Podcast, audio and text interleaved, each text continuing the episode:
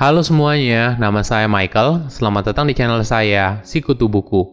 Kali ini saya akan membahas 7 rekomendasi kisah inspiratif terbaik versi Sikutu Buku. Sebelum kita mulai, buat kalian yang mau support channel ini agar terus berkarya, caranya gampang banget. Kalian cukup klik subscribe dan nyalakan loncengnya. Dukungan kalian membantu banget supaya kita bisa rutin posting dan bersama-sama belajar di channel ini. Karena sekarang sudah masuk awal tahun 2021, pasti banyak dari kalian yang membuat resolusi dan rencana masa depan. Nah, saya ingin memberikan beberapa kisah inspiratif yang mungkin saja menarik untuk kamu tonton. Kisah inspiratif pertama yang saya rekomendasikan adalah kisah inspiratif dari Gufron Syarif atau dikenal dengan nama UFO. Dia merupakan salah satu pemilik dari minuman kekinian dengan merek House.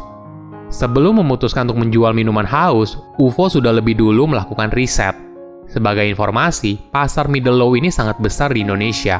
Itulah yang kemudian membuat UFO berpikir, produk apa yang cocok untuk pasar itu dengan harga yang terjangkau, yaitu 5.000 hingga 15.000. Angka segitu juga sudah berdasarkan riset yang dilakukan oleh UFO berdasarkan pada rata-rata pengeluaran orang di segmen middle low.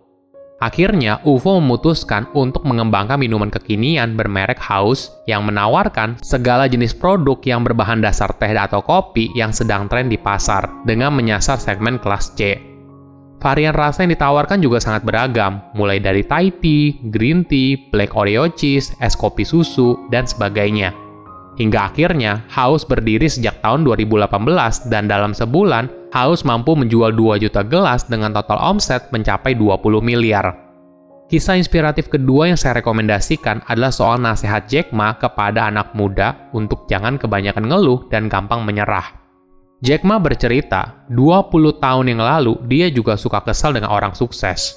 Jack kesal dengan Bill Gates. Kenapa Bill punya kesempatan untuk sukses sedangkan dia tidak? Setelah akhirnya pikirannya mulai tenang, dia lalu berpikir, Jack kemudian menjelaskan apa yang membedakan orang yang sukses atau tidak. Orang sukses terbiasa memandang masa depan dengan optimis. Mereka tidak pernah mengeluh dan selalu berusaha mencari solusi untuk menyelesaikan masalah. Ketika orang lain sibuk mengeluh, itu adalah kesempatan bagi orang sukses untuk mencari solusi dari keluhan orang tersebut. Jack mencontohkan kisah hidupnya. Tiga tahun pertama, bisnis Jack sama sekali tidak pernah untung tapi apa yang membuatnya terus berjuang? Ternyata Jack menerima banyak email terima kasih dari para pelanggan karena bisnis Jack membantu menghubungkan mereka untuk berjualan ke luar negeri. Memang pada saat itu mereka tidak bisa membayar Jack, tapi Jack percaya kalau dia terus melakukan hal ini, maka suatu saat dia akan sukses. Dan sudah terbukti dari kerajaan bisnis yang Jack miliki hingga saat ini. Kisah inspiratif ketiga yang saya rekomendasikan adalah nasihat almarhum Bob Sadino tentang mindset sukses berbisnis. Bagi yang tidak kenal Bob Sadino, semasa hidupnya dia memiliki gaya yang nyentrik dengan setelan khas berkemeja dan celana jeans pendek. Bukan cuma tampilan, namanya sendiri juga bukan nama asli. Nama aslinya adalah Bambang Mustari Sadino. Nama Bob muncul dari sebuah akronim bukan orang biasa. Kemudian akhirnya nama itu yang dipakai hingga akhir hayatnya. Walaupun nyentrik, Bob merupakan pengusaha sukses dari usaha agrobisnis dan supermarket, yaitu jaringan supermarket kelas atas bernama Kemcik, perusahaan daging olahan bernama Kemfood, dan perusahaan khusus ekspor sayur mayur bernama Kemfarm. Bob juga pernah berkata, kalau mau kaya, gak usah sekolah. Tentu saja pernyataannya jadi kontroversial, apalagi di kalangan akademisi. Walaupun begitu, Tentu saja kalimat itu punya kebijaksanaannya sendiri. Karena pada dasarnya, Bob tidak suka terlalu banyak teori, yang penting kerjakan, berani, dan biarkan hidup mengalir. Kisah inspiratif keempat yang saya rekomendasikan adalah seorang pengusaha muda bernama Gazan Aska Gavara yang merupakan CEO dan founder dari Zanana Chips. Buat yang belum tahu, Zanana Chips adalah keripik pisang asal Bandung yang sekarang omsetnya sudah miliaran dan diekspor ke berbagai negara. Waktu awal membangun Zanana pada tahun 2012, Gazan melihat ada celah pasar, kalau ada orang yang mencari keripik pisang. Semua ini didapat dari survei yang dilakukan oleh Gazan ke 15 orang teman termasuk dirinya yang kesulitan mencari keripik pisang Lampung di Bandung. Dari situ, Gazan melihat ada peluang untuk berjualan keripik pisang. Pada awal menjalankan bisnis Zanana, Gazan hanya fokus ke produknya. bagaimana caranya membuat orang suka dengan rasa dari Zanana. Di tahap itu, Zanana masih belum ada packaging yang cantik, belum endorse artis, dan belum fokus membangun brand Zanana. Gazan hanya fokus jualan dan membuat sebanyak-banyaknya orang mencoba Zanana.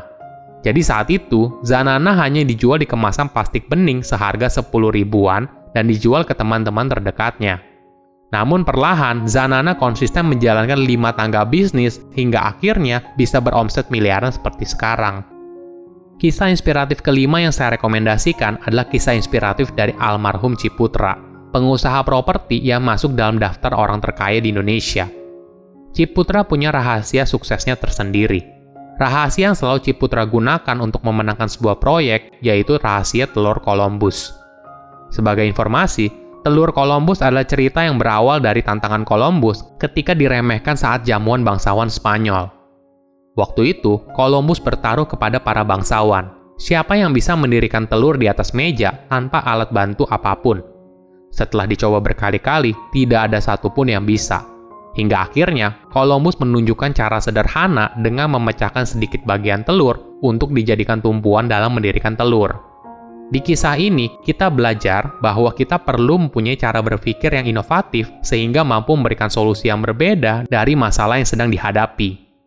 Saat mengikuti tender proyek Senen, Ciputra mempraktekkan rahasia telur Columbus.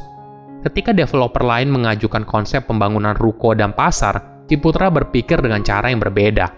Dia mengajukan konsep shopping malls dan pasar modern. Konsep ini membuat Gubernur DKI Jakarta pada saat itu, yaitu Sumarno, menjadi kagum. Bahkan mengajak Ciputra untuk mempresentasikan konsepnya langsung ke Presiden Soekarno. Konsep Ciputra lalu diterima oleh Soekarno dan dia dipercayakan untuk membangun proyek Senen. Kisah inspiratif keenam yang saya rekomendasikan adalah kisah inspiratif dari Dato Sri Tahir yang merupakan bos Mayapada Group dan salah satu orang terkaya di Indonesia. Bagi Tahir, pengusaha sukses adalah orang yang bisa memberikan kontribusi tidak hanya bagi perusahaannya, tapi juga berpengaruh pada negara dan juga lingkungan. Setiap orang bisa menjadi pengusaha, tapi hanya sedikit yang bisa menjadi pengusaha sukses dan berpengaruh. Tahir memilih untuk tidak menjadi pengusaha yang egois. Bagi Tahir, kesuksesan yang dia miliki sekarang bukanlah segalanya. Yang paling penting, kesuksesan tersebut tidak dirasakan sendiri, tapi juga dirasakan bersama oleh orang lain. Tahir juga punya prinsip, kalau mencari keuntungan boleh saja, tapi mencari kebaikan adalah kewajiban. Prinsip itulah yang membuat Tahir dikenal bukan hanya sebagai konglomerat Indonesia, tapi juga sebagai filantropis.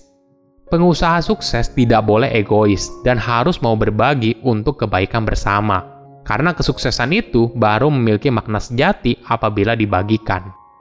Kisah inspiratif ketujuh yang saya rekomendasikan adalah kisah inspiratif dari Sudamek AWS, Presiden Komisaris dari Garuda Food. Ada salah satu tips kehidupan yang membuat Sudamek bisa seperti sekarang. Tips ini berasal dari ibunya, yaitu orang hidup harus pintar bolak-balik pikiran. Kita harus bisa memaknai sebuah kejadian dengan cara yang berbeda. Sudamek mengibaratkan, ketika ada stimulus, maka akan masuk ke dalam free will – Nah, free will ini yang akan menentukan apa respon kita. Jangan sampai ketika ada stimulus langsung respon tanpa dicermati dulu apa yang sebaiknya kita lakukan. Banyak orang tidak mengira kalau sebenarnya perjalanan hidup Sudamek sangat keras sekali. Kalau dia tidak bisa bolak-balik pikiran, mungkin dia bisa jadi gila karena tekanan hidup yang cukup berat. Nah, tadi adalah 7 kisah inspiratif terbaik 2020 versi Sikutu Buku. Saya tahu, pasti masih banyak kisah inspiratif lain yang bagus banget, tapi tidak masuk ke dalam video ini. Kamu bisa langsung nonton di playlist kisah inspiratif di channel Sikutu Buku ya. Silahkan komen di kolom komentar, kisah inspiratif apa yang paling kalian sukai selama tahun 2020. Selain itu, komen juga mau kisah inspiratif apa lagi yang saya review di video berikutnya. Saya undur diri, jangan lupa subscribe channel YouTube Sikutu Buku. Bye bye.